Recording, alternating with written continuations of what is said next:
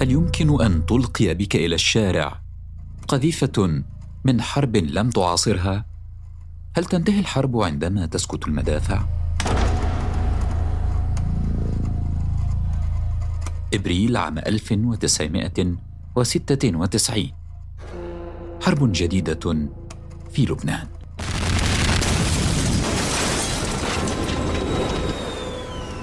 لم يكن اللبنانيون قد أفاقوا تماما من كابوس الحرب الأهلية حين اندلعت حرب جديدة.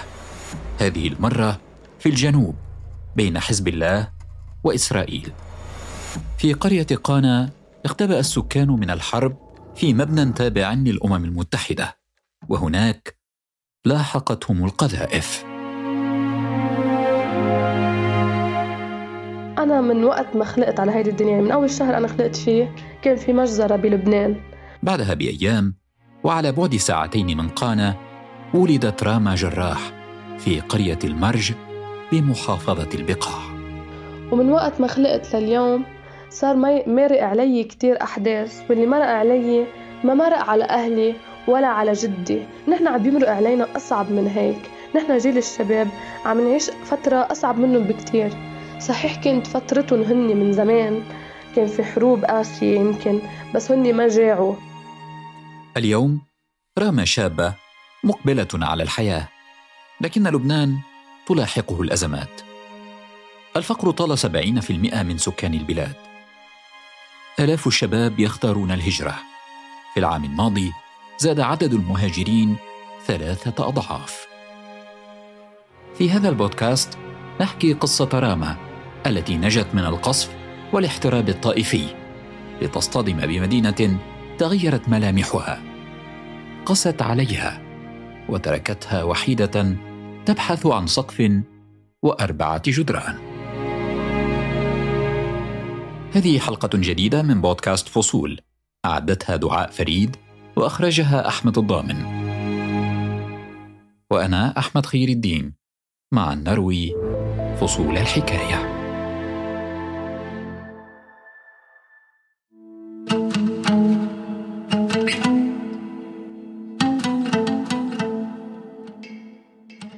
ولدت وترعرعت بمنطقة البقاع الغربي بضيعة صغيرة اسمها المرج. موقعنا هو كتير قريب من الحدود اللبنانية السورية. التسعينيات كانت مرحلة يحاول فيها لبنان لملمة شتاته بعد حرب أهلية طويلة. خمسة عشر عاما مزقت كل شيء. كانت الحرب زلزالا طبقيا واجتماعيا أيضا. المدينة أولى ضحايا الحرب. البقاع مثله مثل أي منطقة إن كان بلبنان ولا خارج لبنان. موجود فيه التعدد والتنوع الطائفي والمذهبي حتى التنوع بالأشخاص بثقافتهم حتى بلغتهم ولكنتهم في اختلاف بين منطقة وأخرى. طبيعة الحياة بالبقاع آه، بتشبه بعضها وكتير بتختلف منها لبيروت. لأنه البقاع عبارة عن ضياع عن أرياف عن قريات عن بلدات آه، فمش مثل المدينة أبدا وهذا شيء طبيعي. البقاع سهل واسع يقع وسط لبنان. الاقتصاد المحلي زراعي. البساطة هنا في كل شيء والفقر كان في كل مكان. أنا بعشت طفولتي أولها ما كان عندنا بيت نحن. نحن خاص فينا يعني في وبإخواتي وبماما وببابا. نحن عشنا مع بيت جدي آه، سبع سنين. يعني أنا كان عمري سبع سنين لما نقلت على بيت خاص فينا نحن كعيلة. آه، عشنا مع ستو وجده بالبيت آه، لأنه بابا ما كان قادر يخلص بيت لإلنا. يمكن عشنا صعوبات كتير بطفولتنا. أنا ما رح أكون واعية ليها كلها. بس أنا بسمع بابا لما يخبرني قديش تعذب وقديش سعى الحمد لله يعني بكل نية صافية لحتى عملنا بيت حلو ودافي بضمنا نحن كعائلة من خمس أشخاص مش أكتر لنعيش فيه. وقديش بابا يعني آه، تعذب لحتى يبسطنا نحن. استقرت العائلة لكن لبنان سرعان ما انزلق إلى أزمة أخرى. أحداث السابع من أيار مايو في عام 2008 خلقت أزمة سياسية وطائفية. نزلت مجموعة ملثمة ومسلحة إلى شوارع بيروت. ومن يبدأ معنا حربا من حقنا أن نواجهه بالدفاع عن أنفسنا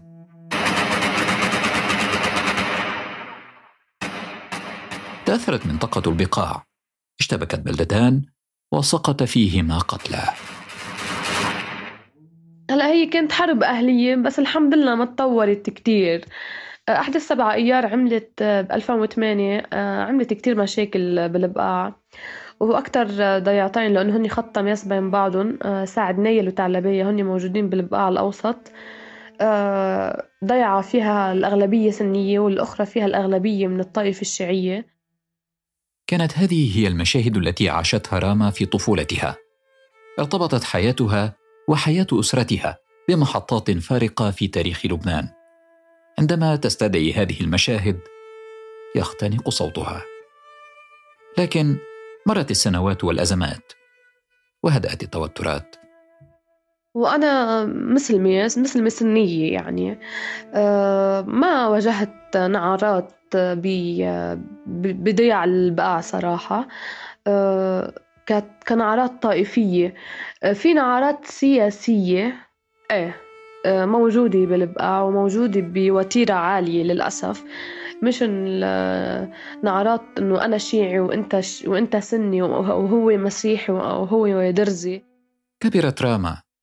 أنهت دراستها الجامعية وقررت الانتقال إلى بيروت للتدريب الوظيفي ودراسة الماجستير في العلوم السياسية.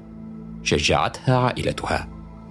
لكن يبدو أن الأزمات في لبنان لا تنتهي. كتبت على راما مواجهة الأزمة ذاتها التي عانت منها في طفولتها. المسكن.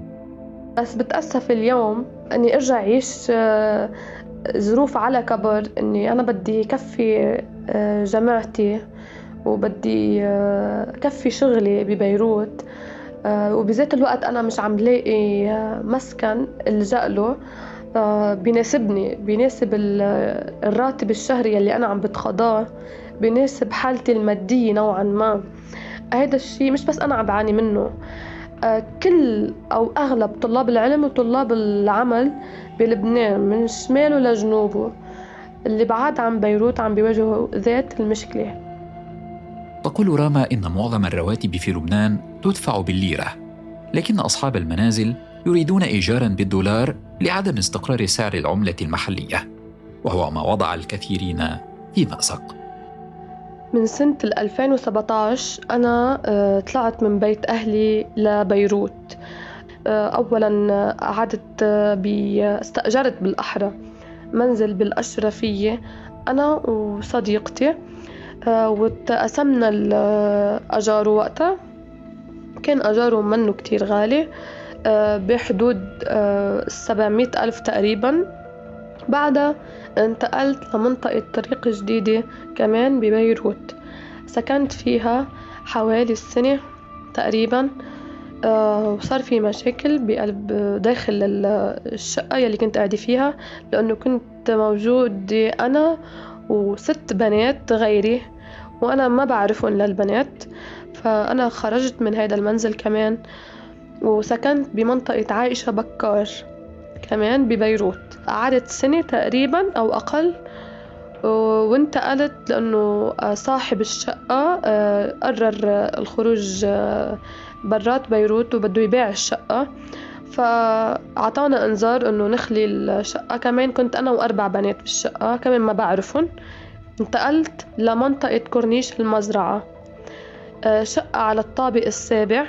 أصحاب الشقة جدا آه، مناح آه، وتعاطفوا معي بكتير مطارح. أنا ما كنت قادرة أدفع تعاطفا يعني إنسانيا كان يخفض لي من أجار الشقة. آه، بس هلأ بهيدا الوضع هني ما قادرين يتحملوا حتى الأعباء. وأنا ما إلي عين قلن إنه بدكم تخفضوا لي لأنه كل شيء غالي. تنقلت راما بين أربعة بيوت مختلفة في أقل من خمس سنوات. فقدت الشعور بالاستقرار في بيروت. تأثرت حالتها النفسية وبدأت تشعر بعدم جدوى انتقالها للعاصمة من البقاع. إيه أنا عم بعاني بصراحة من فكرة آه، أجارات السكن. عم فتش وعم ببحث بكل مناطق بيروت بس ما عم لاقي تخت. يعني أنا استأجر تخت بغرفة أقل من 40 ل 50 دولار. للأسف هيدا الشيء يفوق قدرة المادية لي لأنه نحن عم نقبض باللبناني. يعني أنا ال 50 دولار اليوم آه، بتطلع قد يعني قد نص معاشي فينا نقول للأسف. والمصاري اللي بيبقوا معي ما بيقدوني لآخر الشهر. فأنا بهيك حالة بدي أضطر إني أطلب المساعدة من أهلي طب إذا أنا بعيدة عن أهلي يعني أعتبر بغربة وما أكفي حالي بمصرياتي شو طلعت أعمل؟ لماذا واجهت راما تلك المشكلة؟ هل أزمة السكن التي تعيشها من جديد هي مشكلة اقتصادية أم هي أعمق من ذلك؟ هل لماضي بلادها يد في ذلك؟ السبب الأساسي اللي هو كان ورا نزلتي على بيروت وأترك ضيعتي وأهلي ورفقاتي وكل الناس اللي بعرفها وأنزل على مكان ما بعرف فيه حدا. هو إني اخذ خبرة زيادة. بيروت فيها المركزية الإدارية. آه، السبب الثاني لأنه أغلب أهل البقاع بينزلوا على بيروت طلبا للعلم لأنه مش متوفر الاختصاصات كاملة عنا بالبقاع كثيرون مثل راما ينتقلون من الريف للمدن للأسباب ذاتها. ليس في لبنان فقط. بل في معظم الدول تقريبا. قبل ستين عاما كان سبعون في المئة من سكان العالم يعيشون في الريف يبنون منازلهم بأنفسهم بجوار مزارعهم. اليوم أكثر من نصف البشر هم من سكان المدن وكل عام يترك الملايين منازلهم في المناطق الريفية باتجاه المراكز الحضرية. منهم من يندمج كليا في المدينة ومنهم من يعجز عن ذلك. والطبيعي أكتر إنه الإنسان يلاقي ويواجه كتير اختلاف وكتير صعوبات بالأول لما ينتقل من الضياع أو من البقاع على بيروت. اليوم رام بلا مأوى في بيروت. هل تدفع هذه الشابة القادمة من البقاع فاتورة حروب مضت؟ 80% من سكان لبنان يعيشون في مناطق حضرية. هذه من أعلى النسب في العالم العربي لكن لماذا؟ أي أسرار يخفيها هذا الرقم؟ ليش عم بهاجر آه، بنات وأبناء الريف على المدن وعلى بيروت تحديداً؟ بتشوف إنه ما في إمكانية للعيش هناك بأشكال مختلفة. يعني كان من مدارس منيحة آه، مستشفيات قريبة الجامعات كتير قليلة وكتير بعيدة بتكون عن السكن وبنفس الوقت أساليب النقل كتير قليلة أساليب النقل المشترك كتير قليلة. هذه جنى نخال وهي باحثة في تخطيط المدن وعضوة في استوديو أشغال عامة وهي مؤسسة متخصصة في قضايا العمران في لبنان. لاحظت جنى الأزمة. كوني درست آه، تخطيط أو تصميم ولما تخرجت شفت إنه إنه هيدا المجال هو مجال للأقوى وللأغنى بس الأرض والمسكن آه، سلعه بشكل آه، بامتياز. وهالشي بيمنع الحقوق الأساسية للناس ليقدروا يعيشوا حياة طبيعية. عملت جنى على إطلاق منصة تسمى مرصد السكن لحماية حقوق السكان في لبنان. هي نفسها ولدت أثناء الحرب الأهلية. تنقلت بين بيوت كثيرة من بيروت للقرى ومن القرى لبيروت. بكل بساطة لأني حدا خلق وخلقت وعاشت ببيروت آه، بالحرب. آه، كطفلة عم عم بتشوف آه، المساحة والمجال كيف عم بيكون هو مجال سياسي بامتياز. فكان دايما أسأل ليش وشو يعني وليش هيك علاقتنا بالمكان. تجربة جنى جعلتها مهتمة بتخطيط مدينة بيروت وتوزيع سكانها. ولفهم طبيعة هذا التوزيع كان لابد من فهم بيروت نفسها. بيروت لها تاريخ حضاري ملتبس مدينة مفتوحة على العالم لكن أحياءها وضواحيها منغلقة على ذاتها طائفيا واقتصاديا. في السنوات المئة الأخيرة عاشت بيروت فترات متقطعة من الازدهار الشديد الثقافي والاقتصادي. وفترات من الحروب الدموية فترات من التنوع والانفتاح وفترات قتل فيها الناس على الهوية. أعادت الحرب الأهلية تشكيل بيروت. انقسمت المدينة وتحولت الجغرافيا. وبعد الحرب أنفقت مليارات الدولارات لإعادة إعمار العاصمة. مركز جديد للمدينة والضواحي فاضت بساكنيها. تغيرت بيروت جذرياً. تاريخيا مثل كل مدن المتوسط آه ويمكن أكثر منها على المدن المدن المشرق عامة آه بيروت كانت فيها تقسيم واضح ومنطقي ويعني آه مسهل للعمل وللحياة إذا بدك. لمين عايش وين. بس اللي صار خاصة بعد الحرب الأهلية هو شغلتين. أول شيء تدمير هيدي عم بحكي بالذات بوسط بيروت. تدمير التقسيم اللي كان كان موجود من قبل وجعل منطقة وسط بيروت آه، بتخدم شكل واحد من المدينة واللي هو السيرفيسز فإذا تحولت كل المناطق اللي كانت آه، سكن للحرفيين اللي كانت آه، عمل باتجاه خدمة وحدة اللي هي خدمة السواح. فبعد عنا أحياء فيها تنوع لكنه عم بيغيب أو عم بيختفي شوي شوي فللأسف كثير من الأحياء عم نفقدها مش لحتى تصير أماكن سكن بل لحتى تصير مساحات فاضية هي بس موجود فيها يا أما أغنى أغنياء البلد يا أما عندي تاورز عندي أبراج الهدف منها مش مش إسكان العالم وإنما الهدف منها هي إنتاج المزيد المزيد من رأس المال. ما الذي تغير أيضا في بيروت؟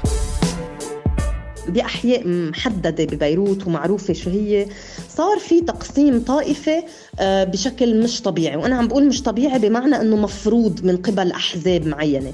معظم المدن فيها مناطق أو أحياء غنية وأحياء فقيرة. وعادة الأحياء الفقيرة آه، فيها في استجمة عليها في في وصمة آه، في نظرة دونية لسكانها. بالإضافة لهيدا الشيء اللي موجود أكيد ببيروت بالإضافة لهيدا الشيء في عدد من الأحياء مثل بذكر آه، عين الرمانة وخاصة الحدث.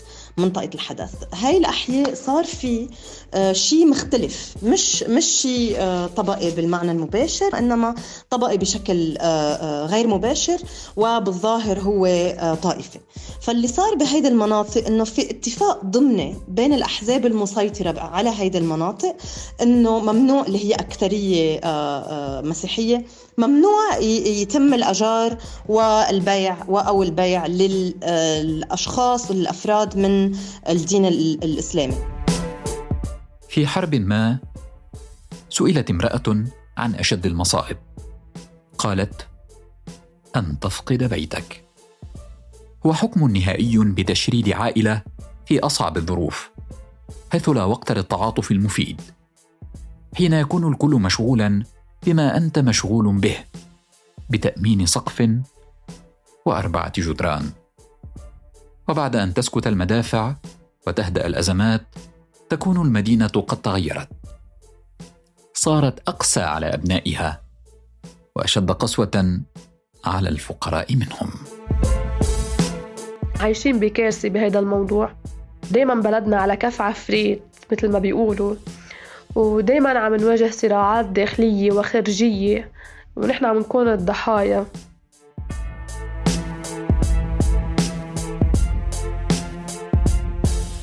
أنا أحمد خير الدين. دمتم في أمان.